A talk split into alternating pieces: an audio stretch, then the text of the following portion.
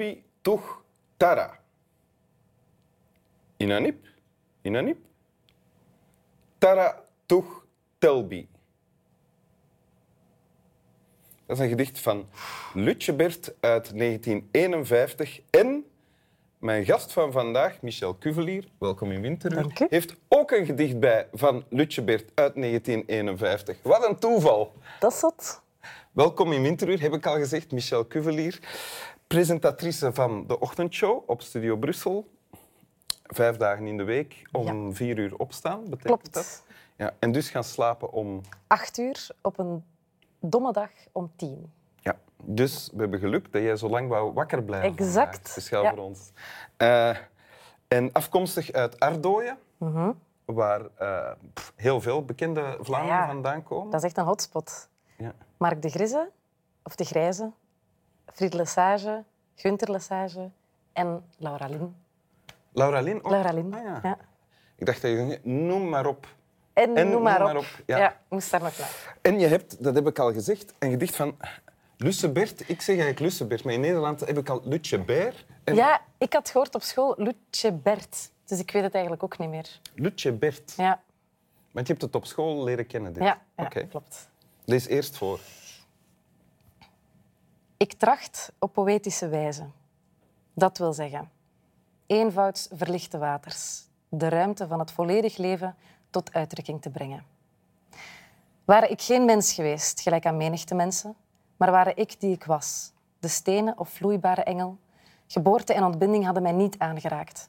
De weg van verlatenheid naar gemeenschap, de stenen stenen, dieren dieren, vogels vogels weg, zou niet zo bevuild zijn als dat nu te zien is aan mijn gedichten, die momentopnamen zijn van die weg.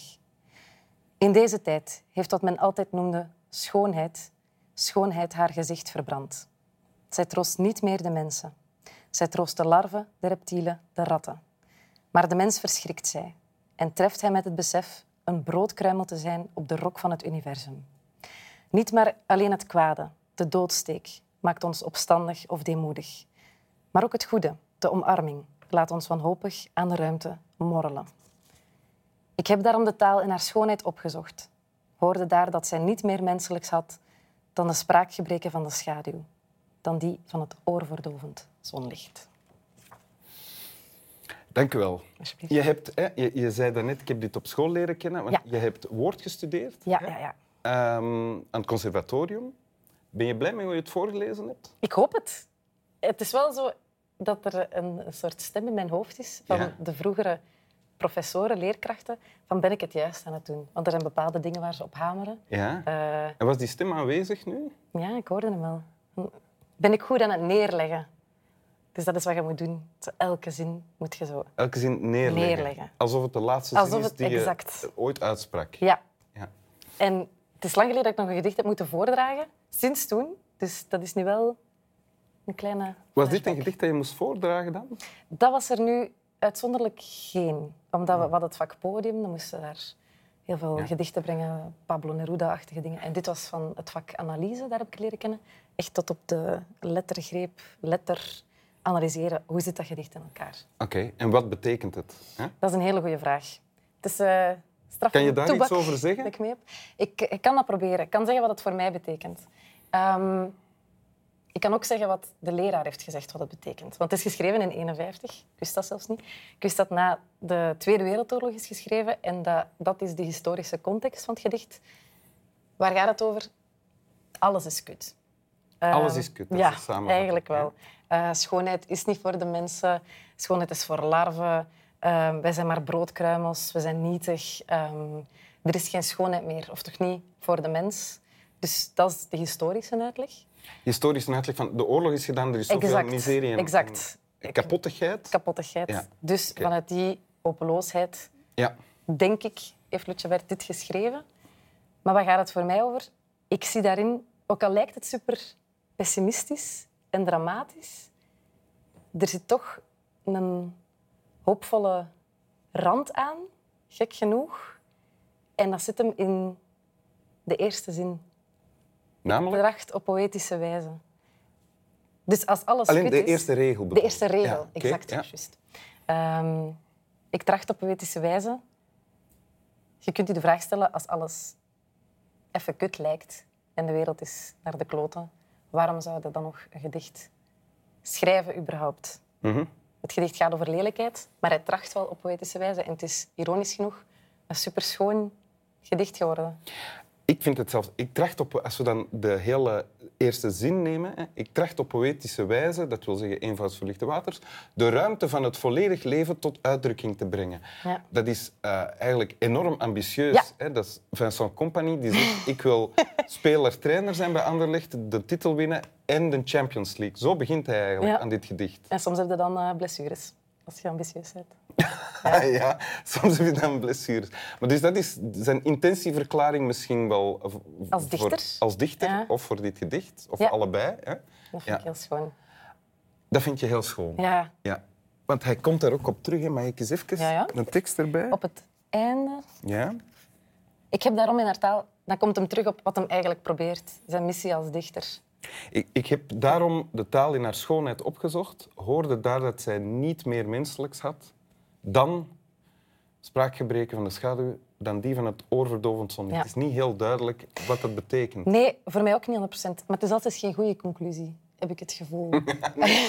nee, ik heb de schoonheid opgezocht. Ik heb getracht op poëtische wijze. Maar het was toch niet, eh, het was toch niet dat. De taal heeft niks meer menselijks.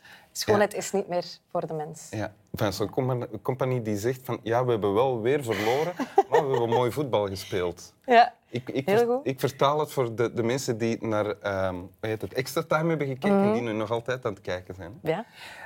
Tussen dit, eh, dit einde en het begin, ja. ja, wat staat er daar allemaal? Je zegt het is kut. Dat Ja. is de samenvatting. Dat is de zeer compacte samenvatting. Ehm, wat staat er daar? Eh, wacht, dat is een ander dat is gedicht. al een... Tja. Even terug. Ehm, en dan heeft hij het over eh, de weg van geboorte naar ontbinding, het leven. De ruimte van het volledig leven. hè. Van geboorte naar ontbinding, steen, steen, dier, dier, vogel, vogel. Ik moet zeggen als ik te vaag ben. Hè. Ehm, maar dat is een lijn naar omhoog, het mensenleven. Van je wordt geboren en je gaat dood. Die weg is bevuild. Het is vuil, het is een vuile bedoeling. Ja? ehm, waarin er geen schoonheid meer te vinden is. Ja. In deze tijd heeft Wat ook- men noemde schoonheid, Ja. schoonheid heeft Schoonheid haar heeft gezicht haar gezicht verbrand. hij. Ja. Als je weet dat dat is geschreven na Auschwitz, na Tweede Wereldoorlog, na fascisme enzovoort enzovoort, kun je er wel iets bij voorstellen Schoonheid biedt geen troost meer aan de Nee. mens. Ze biedt nog troost aan de larven, de reptielen en de ratten. Ja. Maar de mens verschrikt zij. ja. En, staat er dan, treft hem met het besef een broodkruimel te zijn op de rok van het universum. Vind ik een prachtige regel. Want? Want eh, ik denk dat er geen schonere manier is om nietigheid uit te drukken. Je ziet dat voor je, hè? Misschien is er wel ja, brood. een broodkruimel op. Ja. Is dat, dan, is dat een zin die jou... Want dit dat is heel relativerend ook. Hè?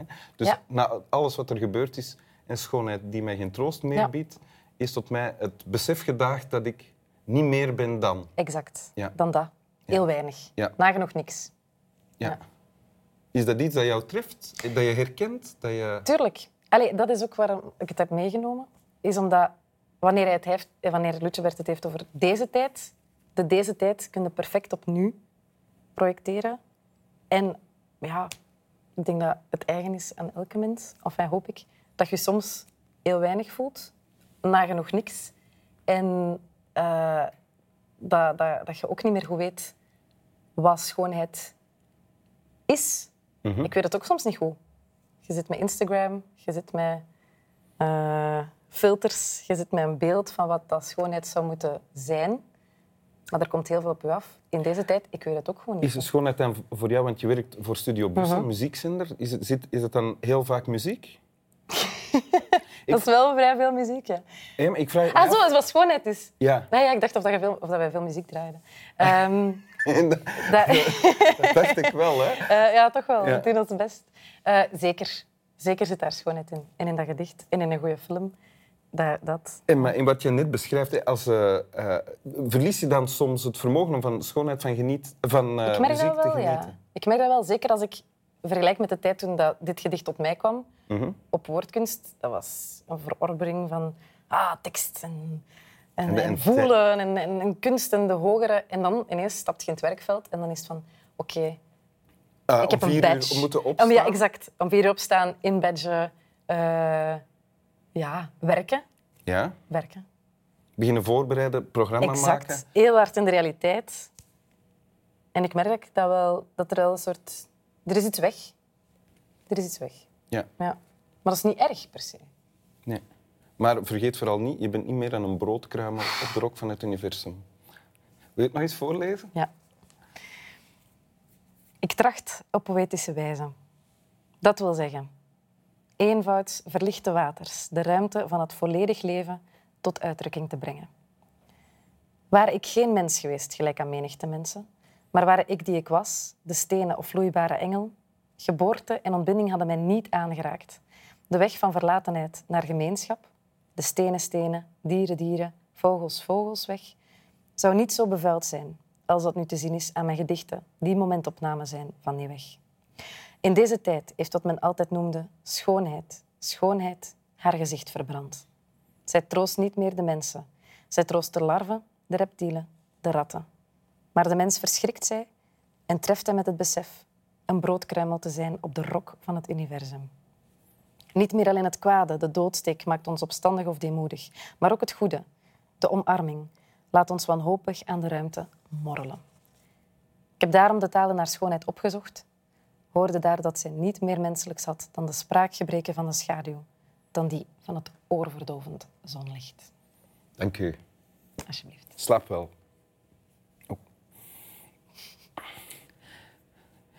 Je zegt universum. Ja. Ik zeg universum. Ja, ja dat is raar dat ik dat- universum zei. hè. Ik zou ook zeggen universum eigenlijk. Ja. Maar misschien leren ze het zo op, de, op het conservatorium. Je moet universum zeggen. Ja, misschien. Ik weet eigenlijk niet, dat vloepte eruit. Ja, je hebt het twee keer zo gezegd. Shit. Universum. Dat is misschien ja, omdat het een gedicht is. En een gedicht is een universum. Universum, ja. Een universum.